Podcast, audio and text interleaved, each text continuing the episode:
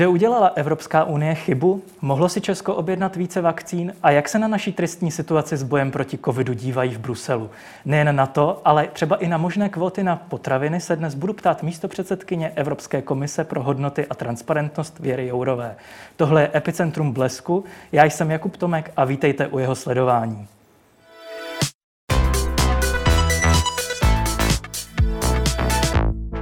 Paní komisařko, dobrý den a zdravím vás do Bruselu. Dobrý den, děkuji za pozvání. Zvládá podle vás Evropská unie očkování? Evropská unie zvládá očkování v rámci eh, výrobních kapacit firm, s kterými máme smlouvu.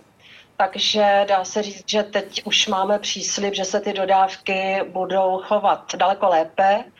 Eh, není bez zajímavosti, že šéf AstraZeneca řekl, že to, co prožíváme teď, ty složité začátky, že to je jak prořezávání zub, zubů. Tak si jak to asi myslel. Každopádně e, jenom dvě čísla, zatím jsme dodali 33 milionů dávek, respektive výrobci, s kterými jsme uzavřeli smlouvy a bylo proočkováno 22 milionů e, dávek a 7 druhých dávek. Takže to je teď bilance. Mm-hmm. Očkování v Česku je i kvůli snížením dodávkám vakcín pomalé. Monitoruje komise, jak by se to mohlo například zlepšit v následujících týdnech? Tohle je zásadně kompetence státu, to znamená české vlády a českých orgánů. Já vám zase řeknu čísla. Do České republiky dodali ti tři výrobci AstraZeneca, Pfizer-BioNTech a Moderna 620 tisíc dávek a bylo proočkováno 538 tisíc dávek, takže jsou tam určité rezervy, ale já zase mám pochopení, protože když se plánuje eh, očkování, že je potřeba si nějakou rezervu nechat a že zkrátka se musí taky počítat s těmi druhými dávkami.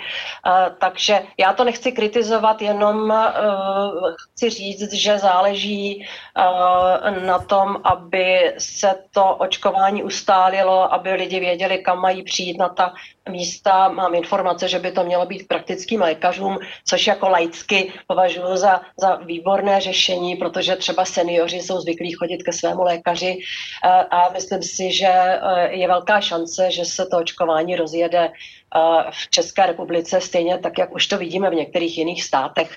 Premianty Evropské unie je Malta a Dánsko. Tam už mají proočkováno poměrně velké procento lidí. Podle deníku N si Česko mohlo objednat prý více vakcín. Je tomu skutečně tak? Proč to třeba neudělalo e, nešlo tou německou cestou, kde si objednali více vakcín? To není otázka na mě, to je otázka na české orgány, na české ministerstvo zahraničí. Já jenom vím, že na začátku, když jsme dojednávali ty smlouvy a zároveň s členskými státy jsme řešili jejich požadavky, tak jsme vycházeli z počtu obyvatel, z nějakého předpokládaného počtu, který bude potřeba, ale jestli tam měli státy nějakou možnost jít nad rámec eh, té, řekněme, kvóty, eh, to si nejsem jistá, ale je to otázka na české orgány. Mhm. Kde je podle vás chyba, že se nedaří zajistit dostatek těch vakcín včas a nedá se tak eh, očkovat podle harmonogramu, eh, jak si to vlastně připravili ty státy dopředu? Podle našeho harmonogramu, když jsme jako Evropská komise uh, domlouvali ty smlouvy, s vakcínami, které už byly uh, schváleny nebo byly blízko ke schválení, tak samozřejmě jsme počítali s takovým harmonogramem, že to naskočí rychle, vlastně den po schválení, že začnou plynule dodávky. No a najednou jsme narazili na problém, že zkrátka ty firmy neměly Eh, dostatečné výrobní kapacity a dostatečné kapacity těch, kteří jim dodávají ingredience, protože vyrobit tu vakcínu je samozřejmě velmi náročná disciplína a vyžaduje to plynulé dodávky jak ingrediencí, tak potom eh, výrobu a dodávky těch vakcín samotných. Takže eh, my jako Evropská komise s tím moc nemůžeme dělat. My samozřejmě jsme podporovali zvýšení evropských výrobních kapacit už předtím, než ty dodávky měly začít. Předplatili jsme spoustu peněz a očekávali jsme, že se bude plnit podle smluv. Takže eh, o tom byly velké spory v minulých týdnech a já doufám, že teď už eh, to půjde plynule. Mhm. Budou ti výrobci nějak sankcionováni za ty pozdní dodávky? To je otázka pro ty, kteří znají obsah smluv. Já nejsem u toho vyjednávání, takže předpokládám, že tam nějaká sankční ujednání jsou. Jestli mi dovolíte ještě říct jednu věc v souvislosti s těmi obtížemi, co se týče dodávek, tak se hodně spochybňovala ta evropská cesta. A já chci říct, že na tom velmi trvám, že nebyla jiná spravedlivější cesta, než abychom společně v Evropské unii nasmouvali ty kapacity, ty, tu výrobu, ty vakcíny, aby třeba Česko nestálo ve frontě za většími, možná bohatšími státy, aby zkrátka bylo spravedlivé podělení a já si myslím, že s odstupem času to budeme hodnotit jako velice dobré rozhodnutí a dobrou cestu. I přes ty počáteční potíže a přes ty skluzy. Hmm. Vy jste mluvila už o těch smlouvách, že jste je neviděla. Do těch smluv se s, s, s těmi výrobci se snažili nahlédnout i poslanci Evropského parlamentu, ale moc se jim to nepodařilo. Je tam něco tajného, nebo proč ty smlouvy nejsou tak veřejné? transparentní? Protože to jsou klasické smlouvy z oblasti biznesu, kde uh, si ten, kdo objednává, musí uh, nechat líbit, řekněme, i ty podmínky ze strany těch výrobců. Víte, výroba očkovacích látek teď je největší biznis na světě. Představme si, že tam je obrovská konkurence. Ty firmy fungují v, na volném trhu a tak je samozřejmé, že si nárokovali nebo je pochopitelné, že si nárokovali zařazení té klauzule o obchodním tajemství a o tom, že se ty smlouvy nebudou zveřejňovat. Takže my jsme něco z těch smluv už zveřejnili, tuším tu AstraZeneca, kde sám šéf firmy uh, odtajňoval části těch jsme na to okamžitě reagovali, že tedy chceme ty zveřejnit, protože se potřebujeme taky my bránit před veřejností, že ty smlouvy jsou dobře udělané a že tam jsou jasné uh, smluvní zavá, uh, jaksi závazky ze strany těch firm. Ale nedají se zveřejnit celé. Víme, že jsme zveřejňovali tu smlouvu s AstraZenecou s určitými začerněnými pasážemi, protože to skutečně podléhá obchodnímu tajemství. A my si nemůžeme dovolit být na druhou stranu těmi, kteří budou vláčeni přes soudy a kteří budou platit nějaké sankce. Mm. Maďarsko jako členská země EU začala očkovat ruskou vakcínou Sputnik V. Jak se díváte na to, že členská země používá látky neschválené Evropskou lékovou agenturou? Členská země to udělat může, tak říkajíc na vlastní pěst. To znamená, jakmile začalo Maďarsko očkovat vakcínou Sputnik, tak na sebe vzalo plnou odpovědnost eh, eh, za případné eh, třeba i negativní dopady té vakcíny. A to je daň za to, že ten stát to udělá sám o sobě, že na to dá svoje vlastní dobrozdání a že nečeká na tu Evropskou lékovou agenturu, která je objektivně za to považovaná za naprosto jasného garanta bezpečnosti vakcín. A proto jsem ráda, že z Česka slyším, že eh, pokud se bude ta vakcína používat v Česku, že se počká na certifikaci tou Evropskou lékovou agenturou. Mhm. Bude třeba Evropská komise něco s Maďarskem řešit ohledně například nějakých sankcí nebo nějakých... Nebude, nebude, protože Maďarsko stejně jako každá jiná země tohle udělat může. Mm. Jo? Ostatně... Členské země nejsou absolutně vázány uh, tím, že musí počkat na tu Evropskou lékovou agenturu. Ale drtivá většina členských zemí to dělá. Uh, jednak, že chtějí mít absolutní jistotu a Evropská léková agentura je opravdový garant uh, bezpečnosti a za druhé, zkrátka státy nechtějí si vzít na svou zodpovědnost to, o čem jsem mluvila, co už udělalo my. Ostatně do Maďarska, ale i do nečlenské země Evropské unie, do Srbska, se jezdí radit eh, český premiér Andrej Babiš o té ruské vakcíně V. Mluvila jste s ním o tom, nebo řešila jste, proč to dělá? Neptala jste se ho? Neptala jsem se ho, já jsem s panem premiérem dlouho nemluvila a já chápu, že každý dneska, kdo má na bedrech uh, zajištění boje proti pandemii, tak dělá, co může. Zároveň samozřejmě premiér Babiš drží dohodu, kterou uzavřel společně s dalšími lídry s Evropskou unii. Teď ve čtvrtek pojede na jednání Evropské rady, kde se potkají všichni premiéři a prezidenti, někteří prezidenti členských států a budeme mít jednání o tom, jak postupovat dál.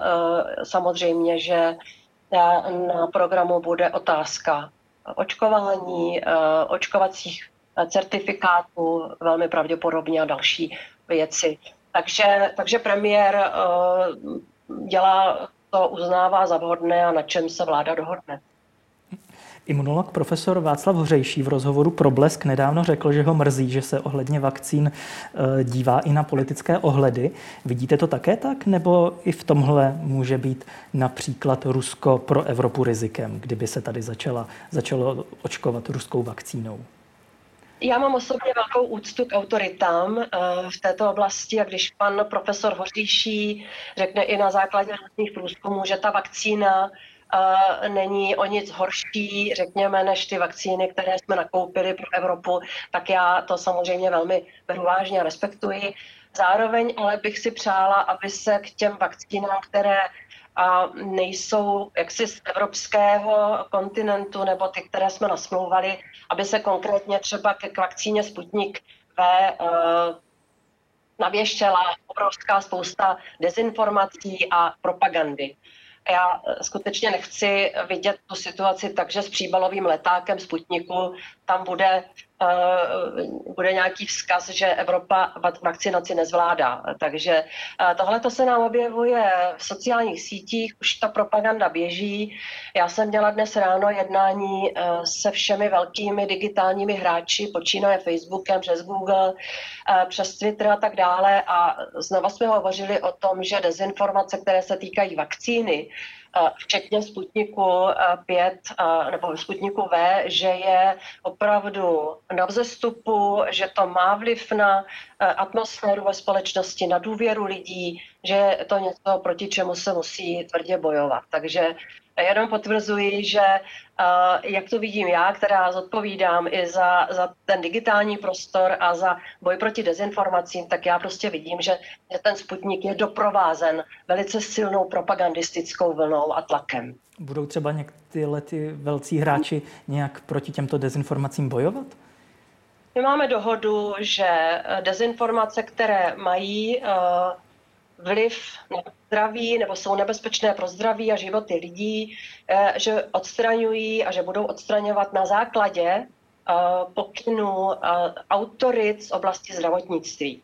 Takže to je jedna věc. Za druhé, znova jsem na ně apelovala, aby dali větší prostor právě pro autorizované informace, pro, pro spolehlivé informace, aby si lidi přečetli pravdu, když to zjednoduším. Takže je to setrvalý úkol. Já jsem se zavázala, že znova eh, připomenu ministrům zdravotnictví, že tam mají prostor, že tam mohou dávat informace, že tam mají dávat informace pro lidi, protože teď je doba velice náročná na to, aby lidi dostávali důvěryhodné informace, a ne aby byli znejistěváni a plašeni nějakými prostě poplašnými zprávami nebo dezinformacemi.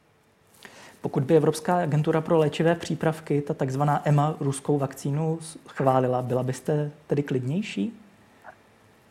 No všichni by byli klidnější, kteří do toho trošku vidí, protože EMA je tím garantem bezpečnosti vakcíny. A my jsme to řekli moc krát, že v momentu, kdy eh, výrobci té vakcíny dodají všechnu potřebnou dokumentaci, takže bude eh, posouzena stejně jako všechny ostatní vakcíny a že ten certifikát může dostat. Ale potřebujeme mít, všechna data, informace a to nejenom o složení té vakcíny, jak jsem to pochopila, ale i o, mož, o těch podmínkách, za jakých se ta vakcína vyrábí. Takže on to je poměrně složitý proces. Mm-hmm. Imunolog Hořejší také mluvil o tom, že Britové za stejnou vakcínu dávají výrobním firmám o 50% víc a Izrael dokonce dvakrát víc než Evropská unie. Proč Unie tolik tlačila na cenu, nebo je to podle vás pravda? My jsme nasmlouvali vakcíny za daleko příznivějších eh, podmínek, řekněme za, za nižší cenu, když to řeknu úplně natvrdo. A bylo to proto, že jsme opravdu tlačili na nižší cenu a protože jsme smlouvali dodávky do výše, dá se říct, miliard a nejenom stovek milionů. Tam už se potom hovoří o množstevní slevě, známe to všichni. je to zákon trhu a proto ta cena je o poznání nižší. Mhm. Nesnaží se třeba teďka EU přeplatit ostatní, aby ochránila svoje občany, když se ty dodávky spozdily? O ničem takovém nevím. Já bych ráda v rámci tady těch otázek eh, eh, připomněla, že Británie jednala o vakcíně pro svoje občany, to znamená pro několik desítek milionů lidí, Izrael pro tuším 10 milionů. No a my jsme domlouvali vakcínu pro 450 milionů lidí, kteří žijí v různých státech s různými režimy, s různými očkovacími strategiemi, takže asi nemůžeme úplně spravedlivě srovnávat eh, ty podmínky. Ale co se týče té ceny, na kterou jste se ptal, tak samozřejmě sjednávat eh, vakcínu pro tak velké množství lidí znamenalo určitou výhodu pro sjednání ceny. Určitě sledujete, jak je na tom Česko v boji s koronavirem oproti ostatním zemím. Jak to na vás působí? Proč to podle vás došlo až tak daleko, že Česko je jedním z premiantů, kteří, které ten boj tak nezvládají? Já bych tohle, pane reaktorem nerada hodnotila, protože nejsem dneska činná v české politice, vidím to jenom z pozice české občanky, která toho času, většinu času žije jinde. Myslím si, že je vláda eh, pod obrovským tlakem a že zejména zvládat koronavirus nebo tuhle krizi je náročné, protože se neustále musí reagovat na změny. A vím, že je tam kritika, že, že se mění ta doporučení nebo, nebo ta Eh, ta nařízení, takže tady já bych byla víceméně schovývavá a samozřejmě jak ve všech zemích, tak i v Česku je nutné víc apelovat na to, aby to nikdo nebral na lehkou váhu, abychom každý začali u sebe eh, a abychom chránili s odpovědným chováním sebe a svoje blížní, svoje kolegy na pracovišti. Hmm. To je hrozně důležitá věc. Mluvíme spolu přes telemost, já jsem v Praze, vy jste v Bruselu. Mluví se tam o nás jako o České republice? A ne nějak zvlášť, samozřejmě ty statistiky jsou známy, že Česko je na špici a že vlastně ta pandemie moc neustupuje, že ta opatření moc nezabírají, ale Česko v tom není samo. Teď se hovoří o České republice jako o zemi, která má uh, veliké potíže na česko-německé hranici, že tam jsou velice tvrdá opatření, kontrola všeho a všech, kteří se chtějí dostat přes hranici a my jsme jako komise apelovali na Německo, aby eh, ty restrikce nebyly tvrdé, aby se zejména umožnilo uh, řidičům kamionů, aby mohli projíždět, aby se umožnilo lidem, kteří mají důležité pracovní nebo i rodinné závažné důvody, aby tam nebyla třeba nařízená karanténa nebo uh, v některých případech ani negativní test, ale samozřejmě je to jednostranné rozhodnutí Německa které my se snažíme nějakým způsobem ovlivnit, aby to aspoň netrvalo dlouho, když už to muselo být. Máte nějaké informace, jak na to Německo reagovalo, na ten váš apel? No tak máme informace z médií, že někteří němečtí politici nám vzkazovali do Bruselu, ať eh, se o to nestaráme, ale my se o to musíme starat, protože nám taky jde o fungování společného trhu.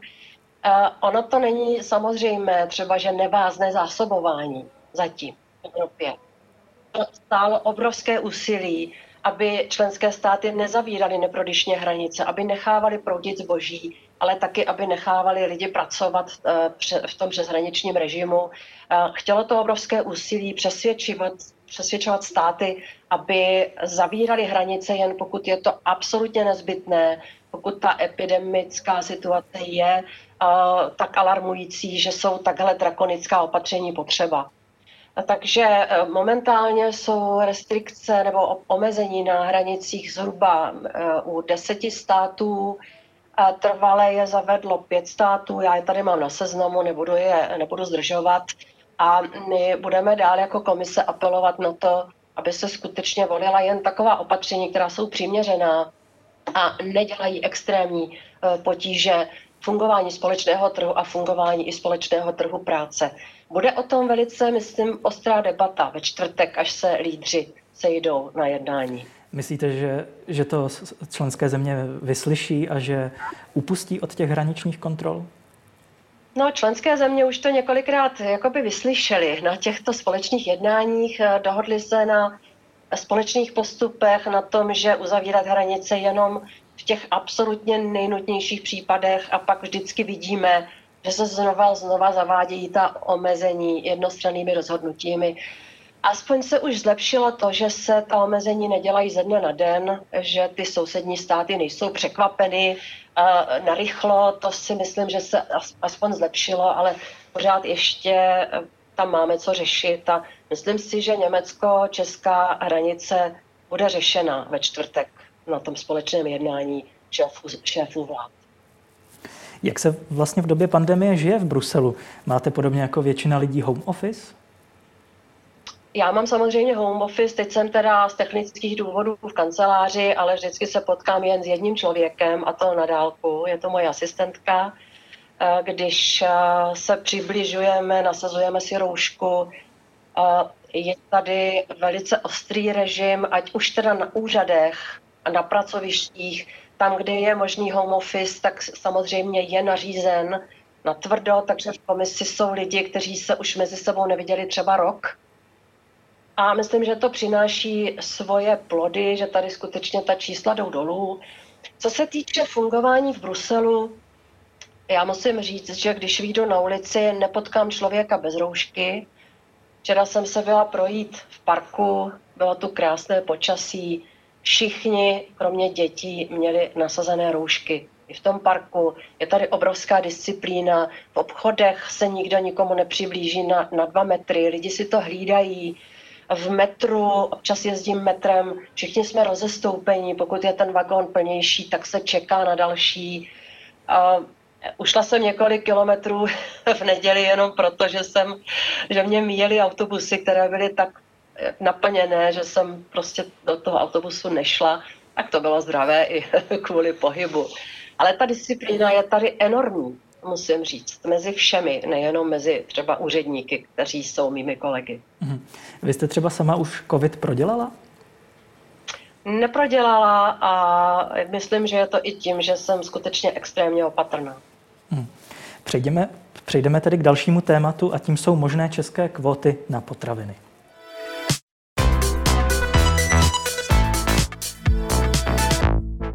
Paní komisařko, než jste se stala místo předsedkyní Evropské komise pro hodnoty a transparentnost, byla jste v minulém volebním období komisařkou pro spravedlnost a ochranu spotřebitelů. Poslanecká sněmovna v lednu schválila na návrh SPD kontroverzní novelu, která počítá například s tím, že by od příštího roku prodejny potravin o ploše nad 400 metrů čtverečních museli u některých druhů potravin prodávat minimálně 55% českých produktů. Tento podíl by se pak v dalších letech měl zvyšovat. Co jste si pomyslela, když jste slyšela poprvé, že by v dnešní době, kdy fungujeme na principech evropského volného trhu, měli mít nějaké kvóty na eh, jenom naše potraviny a že bychom si nemohli koupit eh, v obchodě něco třeba ze zahraničí? Co jsem si pomyslela? No, že zavedení kvóty je obrovský krok zpátky a nejenom, že to vypadá, že to je v přímém rozporu s evropskými pravidly volného trhu, ale že je to hlavně něco, co se obrátí proti českým spotřebitelům. Snížení nabídky, zvýšení cen, je to jednoznačně návrh, který poškodí české spotřebitele.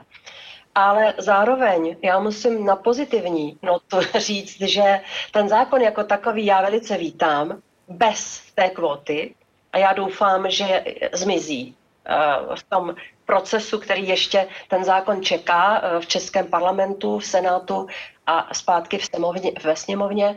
Proč ho vítám? No, protože tam je zásadní věc. Je tam uh, vlastně cesta, jak se zbavit dvojí kvality potravin a to je něco, čemu jsem věnovala několik let svého života tady. Já jsem přesvědčila všechny evropské státy, že to je reálný problém, že to není nějaká vymyšlenost východoevropských států a tohle řešení dvojí kvality potravin tam vidím. Takže to je pozitivní věc a té kvoty já doufám, že, že se ještě dá ta věc zachránit, protože eh, čeští zákonodárci už věděli od komise, z dopisu, který jsme posílali už loni v létě, že to je prostě věc, která poškozuje české spotřebitele. Ano, návrh ještě bude řešit Senát, který normu pravděpodobně vrátí zpátky. Budete nějak třeba apelovat na své poslance z hnutí ANO, aby změnili názor? Je to možné, i když já se moc nesmím aktivně míchat do národní politiky, ale už se snažím apelovat i přes média, činím tak i v tomto rozhovoru. A myslím si, že tak jak jsem slyšela i vyjádření řady poměrně na zásadních hráčů v českém parlamentu, takže se možná už hodně lidem rozsvítilo, že by tahle věc neměla projít. Co by nám hrozilo, kdyby s námi Evropská komise na základě toho eh, zahájila soudní řízení? Soudní řízení je až to poslední, myslím si, doufám, že k němu nedojde. Hrozí tam zahájení eh, takzvaného řízení pro porušení evropského práva, eh, které by teda nastalo poté, kdyby byl schválen ten zákon jako finální, finální verze v, v parlamentu, kdyby byl podepsán panem prezidentem. A to řízení má tři stupně. Jednak eh, je tam první jakýsi dopis, který popíše, proč je ten zákon v rozporu s evropským právem, pokud eh, česká strana neodpoví uspokojivým způsobem, že tam učiní změny, eh, tak, eh, je potom možné ještě po dalším stupni, na dalším dopise s dalším varováním už potom jít k Evropskému soudu, který může stanovit sankce. Ty sankce by mohly být jak velké? Záleží na rozhodnutí Evropského soudu, komise ty sankce nestanovuje. Hmm. Podle zastánců kvot to ale může pomoci českým zemědělcům a potravinářům. Já jsem všema deseti pro, ať se pomáhá českým potravinářům a zemědělcům. A můžeme to dělat uh, posílením nějaké propagace. Tohle to vůbec není v rozporu s evropskou legislativou. A mně se velice líbí iniciativy, jako je Česká potravina. Líbí se mi, že ten nový zákon i přináší určitou možnost zvýhodnění českých výrobků ve veřejných zakázkách. Kdysi dávno jsem na Vysočině prosazovala podobný způsob, že třeba školní jídelny mají brát z Vysočiny. Tohle jsou všechno věci, které se mají a mohou dělat. A čeští spotřebitelé by měli mít lepší informace o tom, co jsou české potraviny, aby se teda chovali jako patrioti, aby je nakupovali. Já sama to dělám, já velice ráda nakupuju české potraviny, když jsem v České republice kdybych směla říkat reklamu, tak tady několik produktů jmenuju, na které se vždycky těším, když přijedu domů. Takže tam jsou možnosti. Pojďme to pro Boha udělat tím, že budeme českým výrobcům pomáhat propagací a spotřebitelským chováním, ale ne zákazy. To mě skoro uráží jako českou spotřebitelku, že by, mě, by měl někdo nějakými zákazy uh, vlastně regulovat, co najdu v českém obchodě za zboží. Mm. Už jsem si myslela, že jsme se tohoto zbavili. Jak už jste předestřela, tak novela je součástí zákona o dvojí kvalitě potravin. Tu jste, jsem, už jste říkala, že jste to v předchozích letech řešila.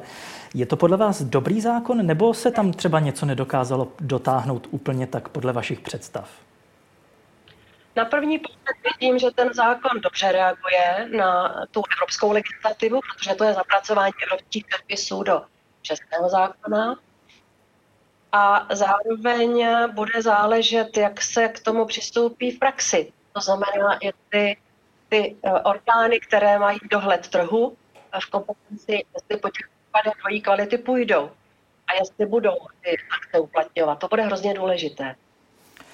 Dobře, paní místo předsedkyně, já vám moc děkuji za rozhovor a zdravím vás eh, do Bruselu to už je z dnešního dílu vše. Ještě tedy připomenu, že záznam rozhovoru naleznete na webu blesk.cz a nebo na Facebooku. Já se s vámi loučím a na viděnou. Já taky děkuji za pozvání. Hezký den přeji. Nasledanou.